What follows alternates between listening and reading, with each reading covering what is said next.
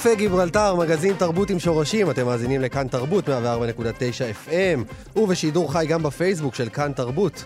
אני אופיר טובול, העורך הוא ניר גורלי, המפיק איליה דידיק, על הסאונד שרון לרנר ואלון מקלר, צילום חן ברויטמן, והיום נדבר על פרויקט בשם כנפי יונה. שבמסגרתו סטודנטים בני העדה האתיופית מתעדים את uh, סיפורי העלייה המרגשים של הוריהם. נדבר גם על צעדת יום ירושלים האלטרנטיבית שמתרחשת בקרוב, וכבר איתנו באולפן, תכף תוכלו לראות כמה האולפן היום מלא וגדוש באנשים מוכשרים. תזמורת של פרץ אליהו, הרכב למוזיקה פרסית, שהוא חלק מבית הספר למוזיקה ושקט. הרכב, אה, כן, הוא מנוהל על ידי אחד המאסטרים הבכירים למוזיקה המרכז אסייתית בעולם, פרץ אליהו. כבוד גדול שאתה פה. שלום, בוקר טוב. וגם שכולכם אה, יחד אה, איתו. יש לנו כאן לא פחות מ-12 נגנים, כולם סטודנטים למוזיקה שמתמחים בנגינה פרסית. אז אתם uh, סיכמתם uh, שנה ראשונה ביחד בלימודים, נכון? כן, עוד לא סיימנו, אבל uh, כן, סמסטר שני. טוב, שמעתי ככה קצת uh, כמה צלילים uh, לפני שהתחלנו, ושווה, שווה לחכות, תכף נתחיל עם uh, מוזיקה. נמצא איתנו גם uh, עידו צור, אתה מנהל בית הספר uh, למוזיקה ושקט. מה, למה שקט? Um, האמת שזה נתון לפרשנות, אנחנו קצת uh, פותחים את העניין הזה, אבל uh, מבחינתי אלמנט חשוב מאוד במוזיקה. אלמנט חשוב במוזיקה זה גם שקט. וחשוב כן. לחיים. טוב, אז תכף uh, נתחיל, נבין גם קצת יותר, אבל אני רוצה שנתחיל עם מוזיקה, נתחיל עם קטע ראשון ש, שיהיה. מה הוא? כן, קטע שננגן זה קטע שאני הלחנתי לפני הרבה שנים במסעות שלי במדבר, קטע נקרא חולות. חולות. פרץ אליהו והתזמורת.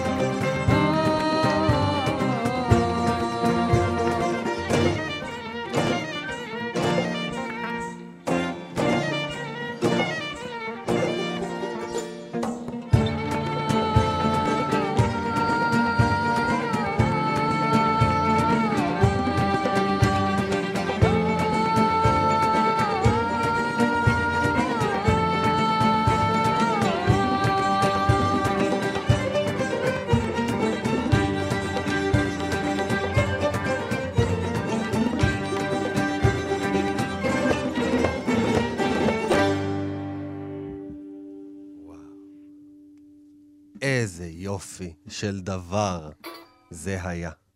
אז uh, נמצא איתנו כאן באולפן פרץ אליהו, ויחד עם כל התזמורת הנהדרת של מוזיקה ושקט. פרץ, מה שמענו? אני יכול להגיד כל מיני מחשבות, אבל תן לי את זה בצורה ככה מקצועית. מבחינת הקטע, מבחינת uh, זמן שהלחנתי אותו, uh, הייתה סערה ענקית, אז ניגנתי בממשית בתקופה, בחול המועד ראש שנה, כן. ב, ב, בסוכות, בסוכות. ואז הייתה סופה אדירה, ואז פתאום בא לי, בתוך הסופה חולות, כן. אז כמה קטעים, אחד מהקטעים האלה זה חולות. וזה היה לפני כמה זמן? זה היה מלפני 15 שנים, משהו כזה, כן. וואו. ולתלמידים אני מביא את הקטע, כיוון שהם מאוד אוהבים את זה, וגם יש מה לנגן. ורוצה מילה אחת על התזמורת, שאנחנו מדברים תזמורת, זה למעשה, זה לא תזמורת, זה כיתת לימוד. כן. פשוט אה, בכל מסגרת עושים אה, קונצרטים של סוף שנה, אז מכינים תמיד את הקונצרט. ב... הכיתת הלימוד הזה בבית ספר מוזיקה ושקט שונה מכיתות אחרות במה שבאים לנגן. לא באים ללמוד לנגן, כן. אלא באים לנגן ביחד, מה שנקרא לימודי אנסמבל. וככה התאספו אה, סטודנטים מכל מיני מקומות בארץ לבוא לנגן ביחד. יש פה כלים מדהימים שנדבר בטח בהמשך. בטח. יש לי כל כך הרבה שאלות, כל כך הרבה נושאים שמעניין אותי. פרץ, אתה בארץ כבר הרבה זמן, הרבה שנים. כן, 30 שנים. 30 שנה, ואתה כן. מומחה אה, עולמי למוזיקה הזו, שהיא מגיעה אלינו בעצם ממרכז אסיה, מאזור אזרבייג'אן, נכון? אזרבייג'אן, פרס, אזורי טורקיה גם, כן. זה קשור כלים. גם, למעשה גם... חלקה גם מוזיקה ערבית נמצאת. גם מוזיקה ערבית, וגם אולי קצת כן. משהו הודי אפילו גם בסאונד. כן, כן. זה ממש כן. תופס חצי עולם, מהודו ועד כוש. כן, יבשת אסיה, כן. את כל יבשת אסיה, כן. ואתה מביא את המוזיקה הזאת לארץ ומלמד אותה ומופיע, נכון? כן, הרבה שנים כן, כבר. כן, הרבה שנים, כן. ומלחין גם uh, קטעים uh, מקוריים, ויש לכם כן. כאן uh, כלי נגינה מאוד מיוחדים. Uh, הכלי שאתה מנגן עליו, מה, מה שמו? ספר לנו אה, עליו קצת. הכלי הזה הוא קלאסי בפרס וקווקז, אזרבייג'אן, נקרא תר. זה כלי עתיק, פירוש המילה מיתר, תר מיתר. אז יש משפחת תר, אם זה תר הקלאסי פרסי שאני מנגן, ועוד תלמידה נויה לידי, היא גם מנגנת בתר פרסי, ויש לנו פה כינור, יש לנו פה בגלמה, בגלמה זה כלי שנפוץ ב... אה, אסיה הקטנה בטורקיה, mm-hmm. קמנצ'ה זה נמצא בכל התרבויות, גם במגרב. כן, גם בצפון אפריקה? בצפון אפריקה, גם, ב... זה התחיל מסין, זה כלי וואו. שנולד בסין לפני כמה אלפי שנים, והשתנה, הגיע לפרס, ומשם כאילו... אני חייב להגיד שניסיתי להחזיק קודם את הכלי, ולא הצלחתי אפילו להחזיק אותו. שלא לדבר על להוציא ממנו איזה, איזה תו יפה, איזה ככה צליל צלול. זה כלי, לא זה, פשוט. זה כלי מדהים, כיוון שיש לו איזשהו צבעון צלילי, זה דומה לכל בן אדם, דומה גם לכינור, לוויולה, וגם יש בו משהו מכלי נשיפה. ויש כן. לנו פה גם אוד, אה, יש שני נגני אוד, יש לנו פה גם גיטרה, שילוב, יש לנו גם כן. שירה, ויש לנו גם קלידים. בעצם כלי הקשה, גם הודי, אה, טבלה. כן, רואים כאן, רואים כאן כן. את... אז את... זה כאילו ישראל. שילוב, שילוב תרבויות. איתמר דגן שיושב כן, על, הטבלה כאן על הטבלה, לידי? כן, כיוון שהמסורת ההודית זה לשבת רצפה. כן. ואז אי אפשר להשיב אותו לנגן על הכיס הזה, בלתי אפשרי. לגמרי. אז uh, יש פה מין כזה uh, חברה ישראלית, שיש שילוב של מערב, כלים מערביים, כלים מכל מיני מקומות של אסיה. ואז זה חיבור. לקחתם בעצם את המוזיקה העתיקה, המסורתית, והכנסתם אותה לאיזשהו משהו באמת יותר אה, ישראלי, עכשווי, מערבי. אני עובר אליך, אה, עידו, אה, מנהל בית הספר מוזיקה ושקט. תראה, עשרות סטודנטים באים ללמוד דווקא מוזיקה כזאת, דווקא מוזיקה פרסית, קלאסית. מה שאמרו עד לא מזמן שהוא כבר לא רלוונטי, ואצלכם יש גם מגמות של מוזיקה נוספת. ספר לנו קצת. ספר על הבית ספר באופן כללי, אתה אומר. אמ, תשמע, קודם כל, אנחנו מביאים אנשים כמו פרץ אליהו, וכל המורים שלנו הם מוזיקאים שהם פעילים, שהם מוכרים, שהם מופיעים. אז תלמידים באים אחרי אנשים שהם גם מכירים מהופעות ו... כן. וכאלה דברים.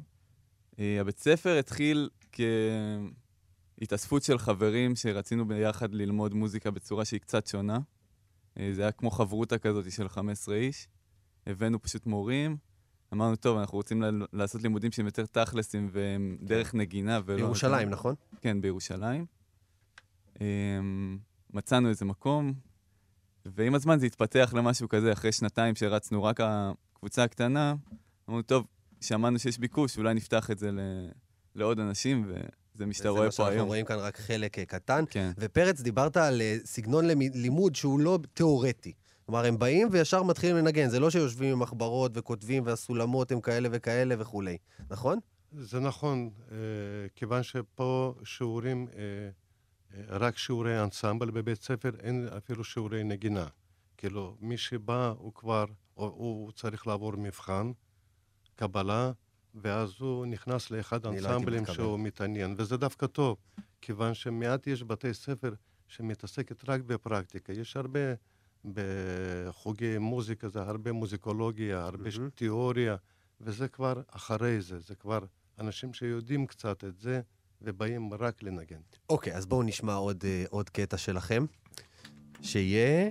קטע שאנחנו נעשה הוא נקרא גלים, זה גלים. גם מהקטעים שלי, לא שאני מד- מלמד. הקודם היה חולות, כי היית בסופת חולות, הפעם מה, תפסת גלים בים? וגלים ים, כן. אני מאוד אה, חובב טבע בארץ ומלחין את הקטעים במקרים שאני נמצא בטבע והטבע משפיע עליי, אז מזה זה בא.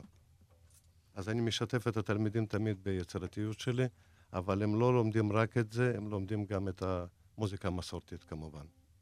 יצירות של המלחינים מאיראן, מאזרבייג'אן וחומרים קלאסיים גם. Thank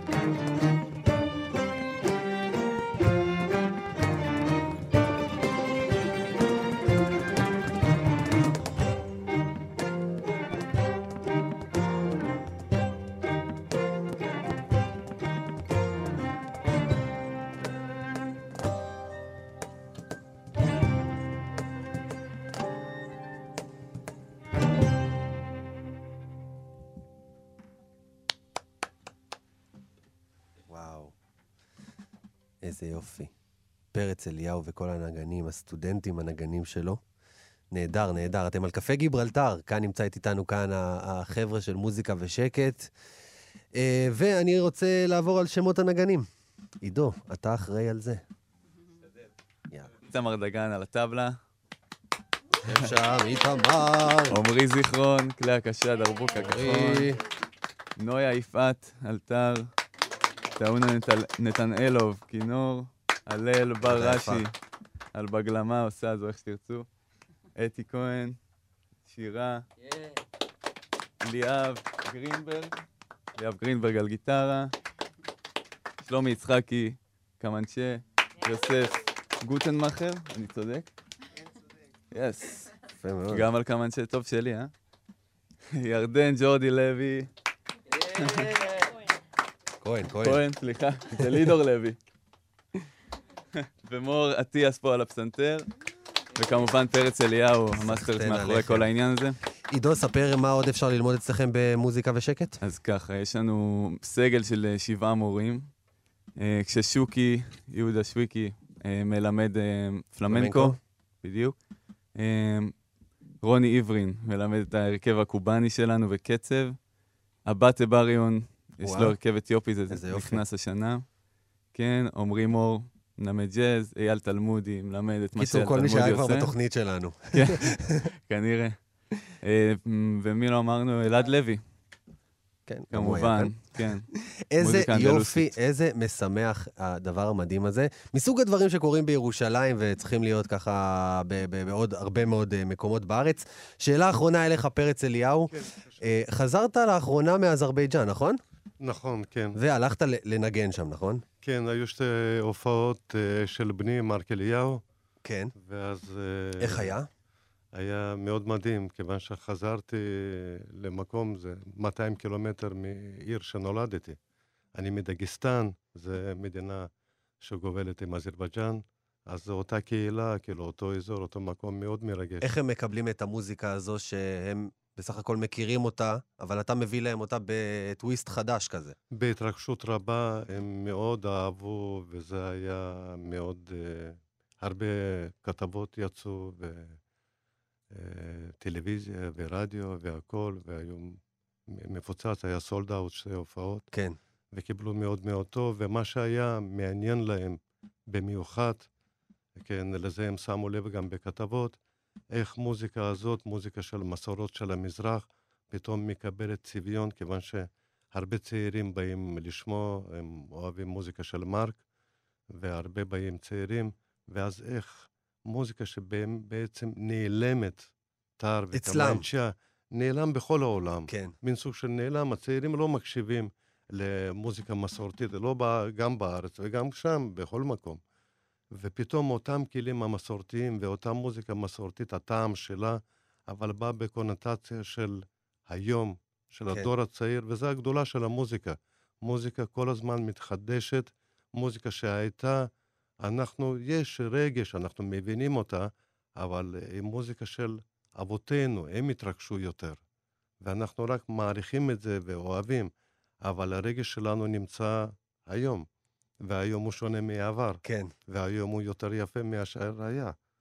ואז החידוש הזה, הם מאוד אוהבים, את היום. זה, זאת מוזיקה שמעוררת געגוע, הייתי אומר. לאיזה משהו שאפילו אם אתה לא מכיר אותו, אתה עדיין מתגעגע אליו. כן, אני מאוד מודה לך, תודה. פרץ אליהו, עידו. צור, תודה אה. וכל תלמידי מוזיקה ושקט במגמה הפרסית. פשוט נהדר מה שאתם עושים, תמשיכו, אתם סופר מוכשרים, תמשיכו ללמוד, ואנחנו תכף אה, נמשיך עם אה, פרויקט כנפי יונה. פרויקט אה, יפהפה, שמדבר על סטודנטים ממוצא אתיופי, מתעדים סיפורים של המשפחה שלהם, סיפורי עלייה שלא ממש הכירו. שערו איתנו ממש כמה שניות של צלילים, ואנחנו חוזרים.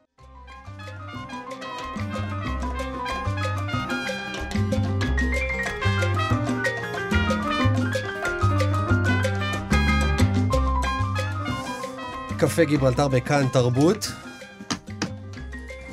מה שעזר לי להמשיך ולא לוותר הייתה התקווה להגיע לירושלים, להיות עם אחד. הרגע המשמח ביותר במסע היה כשהגענו לישראל. הבנתי שעברתי הכל למרות כל הקשיים. הייתה לנו אמונה חזקה שנעשה ונצליח. אני חושב שאת מה שעברו יהודי אתיופיה, לא עברה אף עדה אחרת. במילים אלה סיים אה, יוסף אה, נגה את עדותו על אה, מסע העלייה לארץ ישראל, שתועד על ידי בתו ספיר נגה, שיחד עם סטודנטים נוספים בני הקהילה האתיופית, תיעדה את סיפור העלייה של משפחתה במסגרת פרויקט בשם כנפי יונה. בשבוע הבא, ביום ראשון, יצוין יום הזיכרון לנספים במסע מאתיופיה לישראל, 4,000 נספים במספר. נמצאות איתנו באולפן ספיר נגה ויפה זללו שהשתתפו בפרויקט, וגם יזם הפרויקט ליאור בניסטי. ברוכים הבאים. מה נשמע? מצוין. תודה שבאתם. ספיר, אני רוצה להתחיל איתך. קראתי את העדות של, של אביך והצטמררתי. כמה מעט אנחנו יודעים על מה שעבר על הקהילה האתיופית בחודשים, שנים לפני העלייה אה, ארצה? האמת שממש מעט, אני בעצמי ידעתי ממש מעט. בגלל זה בחרתי ללכת לפרויקט הזה ולהכיר את ההורים יותר מקרוב ולשמוע סיפורים שאנחנו לא שומעים ביום-יום ואני לא מכירה, לא הכרתי חצי מהדברים שסיפרו לי. אה, לא ידעתי שלהורים שלי היו שני אחים שנפטרו. אה, באמת, לדעת את כל מה שהם עברו, הם עברו אה, באמת מסע מפרך, בלי מים, בלי אוכל. עם שודדים, שכל פעם גם ניסו להרוג אותם בדרך. ספרי קצת יותר, הם היו צריכים ללכת בעצם מהעיר או הכפר שהם חיו בו, כן. ברגל אלפי קילומטרים בעצם נכון. לסודאן, משם הם, הם עלו לארץ, נכון? נכון. אה, ההורים שלי לא עלו ביחד, לכל אחד יש סיפור שונה. אה, אבא שלי עשה את המסע לא עם המשפחה שלו, אלא עם אה, קבוצה של חברים שהם יצאו ראשונים לפני המשפחה. Mm-hmm. המטרה הייתה כמה שיותר, לצאת כמה שיותר מהר, בחושך, שלא יראו אותם, כי זה היה באמת מבצע חשאי, לפני כל המבצעים הגדולים. הם יצאו מהכפר שלהם לכיוון סודאן. אה, גם בסודאן, שהם הגיעו, לא קיבלו אותם בפנים יפות, אמרו, הם אמרו שהם באו לעבוד, הם לא הציגו את עצמם. כן, הסתירו את הזהות שלהם. כן, הם הסתירו את זה שהם יהודים. אה, וזהו, וכשהם הגיעו לסודאן, אז הוא, הם היו שם כשלוש שנים. הם נשארו שם במחנה פליטים, הם עבדו בכל מיני עבודות, אם זה סיוט קירות, חפירת בורות וכולי. כן. וזהו, דרך, להגיע לארץ הוא עבר דרך פריז. ואז הוא הגיע לארץ. למה אבל כל כך הרבה זמן הם היו שם? שלוש שנים שלמות? מה... כי הם היו צריכים להמתין לאישור, כן. זה לא היה כל כך מקובל. עלייה. כן. ואז דווקא את אומרת דרך פריז, הם היו צריכים לטוס לצרפת, משם כן. לכאן. כן, זה אבא שלי, אמא שלי טסה ישר לישראל. כן, אז אבא שלך הוא בעצם היה מקבוצת החלוצים הראשונים שהלכו במטרה כאילו לבדוק אה, אה, אה אם, אם בכלל זה אפשרי. נכון, המשפחה כביכול שלחה אותו כנציג, במרכאות, ואחרי שהם ראו שבאמת אה, ניתן לעבור, אז הם גם אה, הצטרפו אליו. מה היה כל כך קשה שם בסודאן? בסודאן? בסיפורים ששמעת לפחות. היה קשה, הם אמרו, הצמאון, מה שהכי היה קשה להם זה הצמאון, יותר הצמא עצמו כן, למים ואוכל. של המסע. להגיע לארץ ישראל. ואז בעצם בסודאן הם הפכו להיות זרים שם. זאת אומרת, אה, כמו מהגרי נכון. עבודה כאלה, זרים חסרי מעמד, שצריכים, אה, אה, ובטח לא יודעים גם מה, מה יהיה בעתיד. יפה, אני רוצה להקריא קטע מתוך התיעוד שלך, את אימא. סכנות נוספות צצו בהמשך הדרך, חיות בר ושודדים שנאלצנו להתחבא מהם. ומקומות שהיינו צריכים לשקר לגבי הזהות שלנו והסיבות למסע. אחרי כל נס התפללנו והודנו, והודנו להשם. תמיד חשבתי שיותר גרוע מזה לא יכול להיות, אך האבדה הנוספת לא איחרה לבוא. בתי הבכורה מולו הייתה בסך הכל בת 11. גם כשאתה אומר את זה עכשיו, זה מרגש עדיין. זה מצמרר. ו... כן. את הכרת את הסיפור כואב. הזה? לא. Um, בגלל זה אני מרגישה שהפרויקט הזה הוא ממש זכות. אני חייב להתעכב על זה רגע. כן. את לא ידעת שהייתה לך אחות בכורה, כלומר, כל כך הדחיקו את הטראומה הזאת, עד כדי כך שלא רצו לספר ולא רצו, רצו להשאיר את זה מאחור. ממש ככה, כן. Uh, אני חושבת שפשוט זה פצע שהוא עדיין פתוח ועדיין לא, לא התרפא כמו שצריך, uh, בגלל שלא היה זמן לכל התהליך הזה של האבל ולהקל. היה ממש צריך כאילו להיות דרוכים כל המסע ולהמשיך הלאה כמה שיותר הלאה. Uh, אני חושבת שזה חלק שאימא שלי ממש ממש הדחיקה, ובחרה לא לשתף.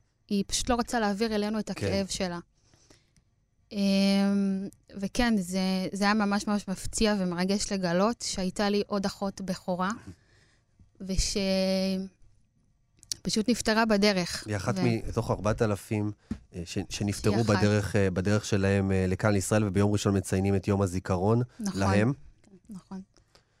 ליאור, אה, יום הזיכרון, ליאור בניסטי כאן, יזם הפרויקט, רק שאלה, אה, שאלת מידע כללית על יום הזיכרון הוא יום רשמי במדינת ישראל? כן, זה, כן, זה ביחד אה, צמוד ליום ירושלים, וזה נקרא יום נספי סודאן, לזכר כל אלו שעשו את המסע ולא הגיעו לארץ ישראל. מעניין, אוקיי, אז לפחות זה יום רשמי, אני גם אה, אה, מודה, אבל אני, אני חושב שבסיפור של העלייה האתיופית, ה, ה, ה, כל הטראומה הזאת לא ממש מוכרת. אני מנסה לחשוב, אחרי כל הדבר הזה שהם עברו בדרך לכאן, דור ההורים שלכם שעלו לארץ, הם היו צריכים עוד להסתגל לארץ חדשה וגם לא פשוטה. וכ, וכמה שהישראלים הצברים שקלטו אותם, בכלל לא ידעו מה, מה הם עברו בחודשים שלפני, חשבו שהם באים אה, כמו שכל עלייה אחרת באה. הנרטיב היה בעצם שהקהילה, כל יהדות אתיופיה הייתה פסיבית, חיכו למטוסים הישראלים והביאו אותם לארץ אה, בצורה כזו שהם פשוט המתינו ואז הם הגיעו לישראל אה, בנגלה אחת. זה פחות או יותר באופן שטחי כן. הנרטיב. כן. ובעצם מה שאנחנו מנסים אה, לומר פה בפרויקט הזה, זה שיש כאן סיפורי גבורה אדירים, ויש כאן בעצם את המעשה הציוני הכי גדול שהיה לו בדור האחרון שלנו. לגמרי. ואנחנו בעצם רואים פה אה, מהלך שהוא גם, ש, גם שינוי תודעתי בחברה הישראלית. להבין שזו קהילה שכל הזמן הייתה בכיסופים לארץ ישראל, וכל הזמן רצתה להגיע לכאן, ועשתה מעשים ועשתה מהלכים, ובסוף מי שפרץ את הדרך לסודאן, שזה היה הפתרון העיקרי, אלא היה קבוצה של אה, צעירים אתיופים שעשו את זה באופן יזום, הם, הם עצמם עשו את זה. כן. ורק אז המדינה עשה. אבא של ספיר הוא בעצם אחד מהם. נכון. מהחלוצים הראשונים ש, שעשו את הדרך הזו. ואיך זה היה בשבילכם להכיר את, ה, את הסיפורים האלה? אתם חיים עם המשפחה, ובטח יש את הקשיים, אה, אה, הקשיים הרבים, ופתאום לגלות ככה את הסיפור הכל כך עשיר הזה, כל כך אה, מלא הזה, אה, יפה. אימא שלי מאז ומתמיד הייתה מודל הערצה מבחינתי. והיום, אחרי שאני שמעתי את כל הסיפור שלה, של העלייה, אני יכולה להגיד שאני הכי גאה בה בעולם. וזה ממש כיף לגלות כמה חוזק ואומץ יש בבן אדם, גם על המסע שהוא עבר וגם על החשיפה, זה היה מסע לא פשוט. תרחיבי על זה, למה אמא שלך היא כזאת דמות להערצה מבחינתך? Uh, בגלל כל מה שהיא עברה במסע, ומעבר לזה, גם החיים בארץ היו לנו קשים, לא היו תמיד פשוטים. Uh, אימא שלי נאלצה להתמודד, uh, לגדל לבדה חמישה ילדים, ללא דמות אב, ללא בעל, אה, ועם כל זה היא אף פעם לא ויתרה, והיא נלחמה, וזה מעורר השראה, זה כאילו דמות להערצה לכל דבר. אה, אז אני הכי גאה בה בעולם על זה. ומעבר לאימא שלי, חשוב לי לציין גם שראיינתי עוד מרואיינת שקוראים לה ממית ברוך, וגיליתי אישה כל כך מדהימה וכל כך חזקה, שהיא גם עברה דברים לא פשוטים, ואני מודה לה על המסע המשותף שעברנו ביחד ועל הזכות ש... היא חילקה איתי את כל הדברים שהיא עברה, ואני ממש ממליצה על הפרויקט הזה. באמת, זה באמת זכות להשתתף ולשמוע סיפורים, ולתת להם את הבמה ואת ההערכה שהם צריכים לקבל, והכי מגיע להם. כי מעבר לדור הצעיר, שבגלל בגלל שאנחנו דור צעיר פה בארץ, אז אנחנו מקבלים יותר הטבות ואפליה מתקנת, הדור המבוגר קצת נדחק הצידה ופחות מקבל את היחס ואת הבמה שמגיע לו. אז הפרויקט הזה ככה שם אותו כן. על הבמה ומביא לו את כל מלוא ההערכה שמגיע לו. ש, ש, שהיה בדיוק. גם כבוד אבוד קצת. אה, אה, ספיר, אני רוצה לשאול אותך איך, איך, איך הגיבו. Uh, המבוגרים שתיעדת uh, לעניין שבאת. כי אני, אני חייב לספר לך שאני שאלתי את סבתא שלי, שהגיעה לכאן מאלג'יריה, uh, ספרי לי את סיפור העלייה שלך, היא אמרה לי, עזוב, עזוב, זה לא מעניין. אז איך הגיבו לך? האמת שהם ממש אה, שמחו והתרגשו, במיוחד אחרי הטקס שעשינו לפני שבוע, שהיה ממש מרגש ועוצמתי, וגם הייתה אה, הצגה של חווה תזזו שהראתה את החיים באתיופיה ואת הדרך, והם ממש התרגשו. הם הודו לי המון. הם הבינו שזה באמת מה שיישאר, מה שהצאצאים, הדורות הבאים, אה, יראו. ובאמת, שמחתי שהם לקחו חלק, שמחתי שראיינתי אותם ספציפית, זה באמת היה לי חשוב. ובאמת, זו הייתה חוויה חד פעמית, אפשר להגיד את זה ככה. איזה יופי. אז אה, ליאור, איפה אפשר uh, uh, למצוא את התוצרים של הפרויקט, את העדויות uh, וכולי? אז העדויות שכל המשתתפי הפרויקט עשו, uh, למעשה הודפסו וחולקו למשתתפים uh, בטקס הסיום. Uh, ואנחנו uh, עכשיו ממש מקימים אתר אינטרנט שבו נעלה את כל החומרים האלו uh, ונציג אותם לציבור הרחב. יש עשרות uh, תיעודים כאלו uh, שבעצם מספרים את הסיפור של אדם אחד שעשה את המסע הזה לארץ ישראל. אני רוצה לשאול ככה לסיום, קראתם לפרויקט כנפי יונה, יש לשם הזה גם כן משמעות? נכון, בעצם הפרויקט כנפי יונה קרוי על שם יונה בוגלה, שהוא היה אחד ממנהיגי הקהילה באתיופיה. הוא בתחילת המאה ה-20 הגיע לארץ ישראל. אה, למד פה עברית mm-hmm. וחינוך, וחזר לקהילה והנהיג את הקהילה, והיה אחד מהדמויות הכי בולטות אה, ביהדות אתיופיה בעת האחרונה. בעצם אה, זה גם הזדמנות להגיד, יונה בוגל מנהיג אתיופי שהוביל את העלייה, וזה באמת לא עלייה ש... זאת אומרת, הרבה דיברו על זה שהעלו את יהודי אתיופיה, ולא נתנו את המקום למנהיגים. אגב, אתם הכרתם את הדמות הזו של יונה בוגלה? נחשפנו אליו יותר במהלך הפרויקט. קיבלנו יותר מידע ואת כל ההיסטוריה. זה ממש מחזיר אותנו גם לשורשים, להכיר מי הם הגיבורים האמיתיים שמאחורי העלייה.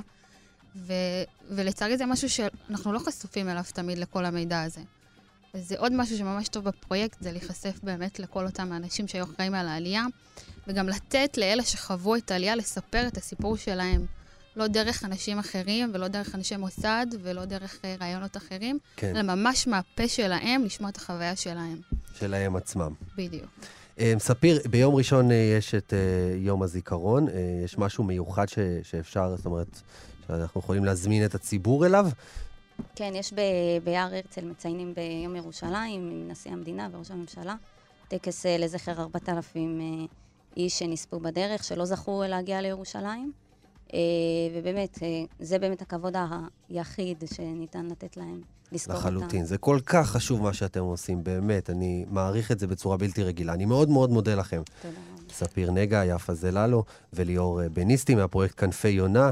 תודה רבה לכם. תודה ואני רבה אספר, לכם. ואני רק אספר שהערב בשבע באפריקן, תוכנית, תוכנית נהדרת שיש לנו כאן ב, ב, ב, בתחנה שלנו כאן תרבות, היא תהיה תוכנית מיוחדת שעוסקת בנושא הזה. תודה רבה לכם. תודה רבה. ממש תודה.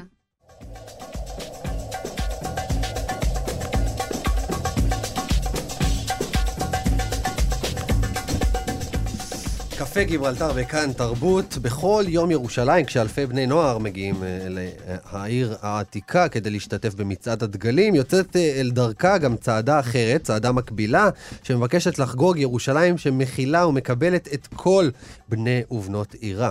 אה, קוראים לצעדה הצעדה הירושלמית, והיא תשובה מקומית לכל מיני ניסיונות חיצוניים לצבוע את העיר בצבעי מאבק ולעומתיות. אז נמצאת איתנו כאן רחלי חזון טסלר, מנהלת התנועה הירושלמית שמארגנת את הצעדה. בוקר טוב, ברוכה הבאה, מה נשמע? יום ירושלים שמח, כן, זה ביום ראשון, נכון? כן, זה חג. כן, זה ביום ראשון. חג, חג אבל, אבל אה, תראי, אני לא יודע, לא כל כך חוגג את החג הזה, אני חייב להודות. כי אתה תל אביבי? למה? לא, אבל אני, אני ירושלמי בנשמה. נו. אבל רגע, זה חג רק של ירושלמים? לא. אוקיי, אז... זה חג שהוא... הוא קצת הפך להיות חג של ירושלמים ושל דווקא דתיים. דווקא להפך. לא, דווקא להפך. דווקא אולי של דתיים, כן, אני מקבלת. הצעדה שלנו, היא מנסה קצת אה, לפתוח את זה ולומר, זה חג של כולנו, אבל אה, כן. אה, דווקא דיברת קצת על אה, מצעד הדגלים. מצעד הדגלים... אה, אה, בלי קשר לדקויות, מה הוא בדיוק אה, אומר מבחינת הקולות המגוונים ש...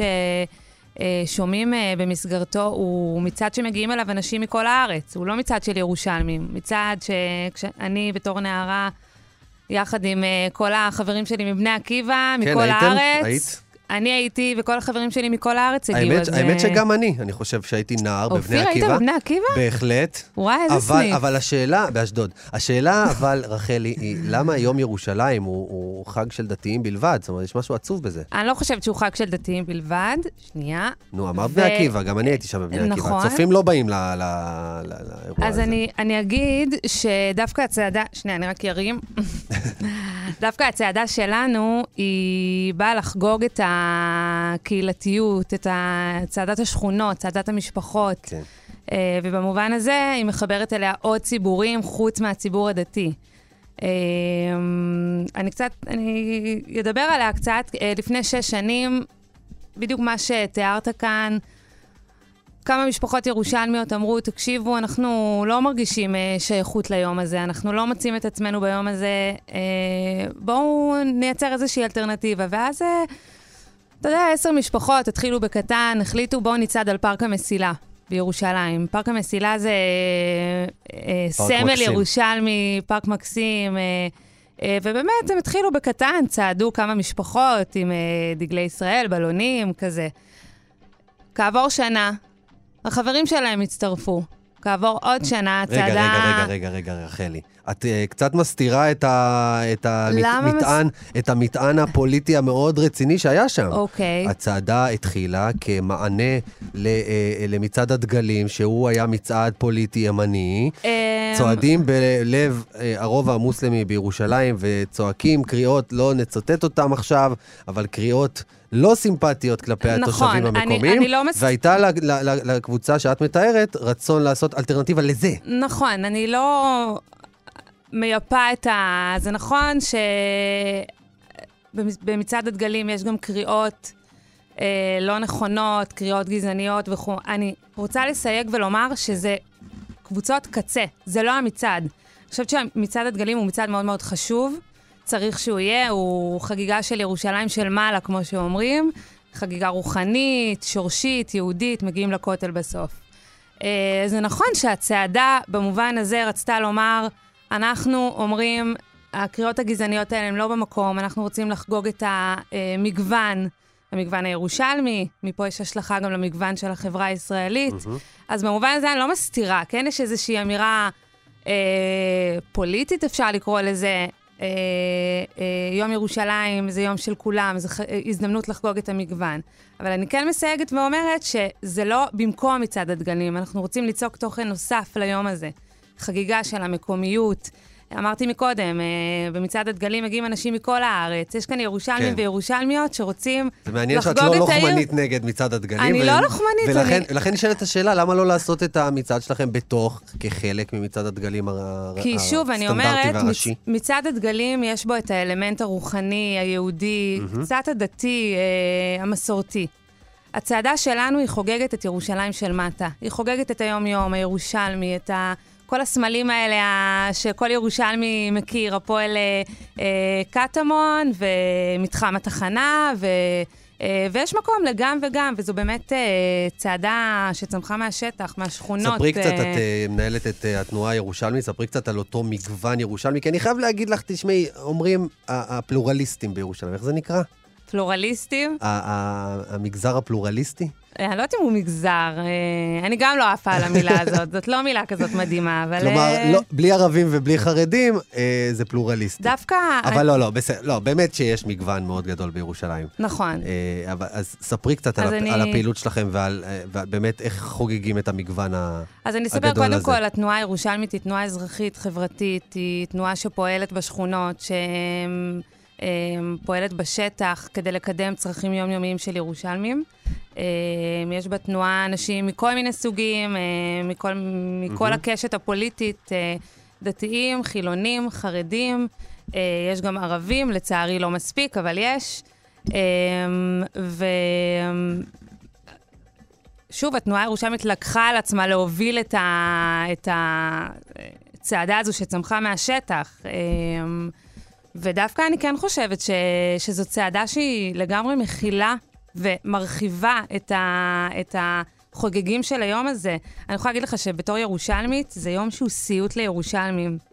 כל הכבישים חסומים, אי אפשר uh, לצאת מהבית, אי אפשר, uh, כאילו, זה יום שהוא סיוט. ודווקא הצעדה כאילו שהיא קרובה לבית. כן. שהיא מחברת בין תרבויות ושכונות, אה, היא לגמרי הזדמנות אה, לחגוג את ה... אמרתי מקודם, ירושלים כן. של מטה הזה. מעניין מה שאת אומרת על ירושלים של מטה. מה, כן. מה, מה בתוכנית? אז uh, בתוכנית uh, אנחנו בעצם מתכנסים בצומת אורנים, ששוב, זה איזשהו, אה, זה, אה, זה צומת שנמצאת על המסילה. זה רק ירושלמים יודעים להגיע לשם. נכון, אבל אני יכולה לשלוח לך מיקום לגמרי, מיקום בוואטסאפ. לא, לא, הבנתי שאתם מז- לא מזמינים את... אנחנו אוקיי. כן מזמינים אה, אנשים מבחוץ, אופיר, אתה מוזמן. אה, אבל אנחנו מתכנסים בצומת אורנים, שזה ממש על לב אה, כן. פארק המסילה. שם יש מין הפנינג כיפי, בלונים, קרטיבים, בועת סבון. אה, אה, אנחנו גם מחברים, הצעדה, אנחנו מחברים אליה, משתדלים לחבר אליה כל שנה כל מיני קהילות, כלומר להרחיב את, ה, את הקהילתיות שלה. השנה אנחנו מאוד מאוד שמנו דגש על קהילות עם צרכים מיוחדים. אז הפנינג ענקי, מוזיקה, יצירה לילדים, בלונים, קרטיבים. אה, ובעצם מתחילים ללכת. מתחילים ללכת. אה, להקת אה, מרש דונדורמה, כמיטב המסורת, מלווה את ה... כן, להקת מצעדים. היא להקת מצעדים לגמרי, והם אלופים, הם ממש... הם הולכים איתנו כברת דרך עם הצעדה. הם מלווים אותה, אנחנו מתקדמים, קצת נגינה, תופים, עד שמגיעים למת- למתחם התחנה, שם יש אה, חגיגה ירושלמית כזאת, די-ג'יי, מוזיקה. השנה גם אה, בפעם הראשונה, בעזרת השם, אה, ראש העיר הגיע לצעוד איתנו, חלק מהמתווה, שזה... אה, במובן הזה זו הפתעה. כלומר, אתה אמרת מקודם, זו צעדה שקצת אה, ב... כן, אה, שנויה במחלוקת. דיב- היא, היא אבל לא שנויה היא- כן, אבל במחלוקת היא כל הפכה- כך, היא כן, די נכון, נכון. מיינסטרים, היא נכון, די... נכון. אה, אבל אתה יודע, תמיד אבל יש את הקולות. כמו שאת אומרת, גם וגם. אפשר גם את צעדת הדגלים? לגמרי. בלי גזענות בבקשה, וגם נכון, את הצעדה לגמרי. הקהילתית שלכם. אני אומרת, אנחנו רוצים ליצוק עוד תוכן לתוכן שכבר קיים. אה, ראש העיר, אה, נפגשתי איתו לפני אה, כמה ימים, בתור מישהי שמובילה תנועה אזרחית בירושלים, דיברנו על כל מיני נושאים, אה, והיה לי מאוד מאוד חשוב להזמין אותו, אה, את משה ליאון. אה, לקחת חלק בצעדה הזו, להתחבר לאנשי השכונות קצת, גם, אתה יודע, יש את מצעד הדגלים, הוא מגיע לצעוד שם, אז שיגיע לצעוד גם עם uh, תושבי השכונות, והוא ממש ממש הפתיע ונענה בשמחה, למרות שזה צפוף בלוז. Um, אז זהו, זה קורה ביום ראשון הקרוב. יום ראשון הקרוב, בשעה ארבע, על פארק המסילה, פארק צומת אורנים, בירושלים. מוזיקה, רחלי, חזון, טסלר, תודה רבה לך. בשמחה, תודה על נשמע כיף, ההזמנה. נשמע חשוב. אה, אני מודה לכם, הנה מרש דונדורמה ברקע. לגמרי. תענוג. אנחנו הגענו לסוף השעה שלנו, סוף אה, התוכנית קפה גיברלטר, לשבוע זה. כאן תרבות. תודה רבה לכל מי שעבד על התוכנית. אני אופיר טובול, העורך הוא ניר גורלי, איליה דידיק המפיק, שרון לרנר ואלון מקלר אחראים על הסאונד, חן ברויטמן על הצילום. תודה רבה לכם. ניפגש בשבוע הבא. שני שושנים, שני שושנים,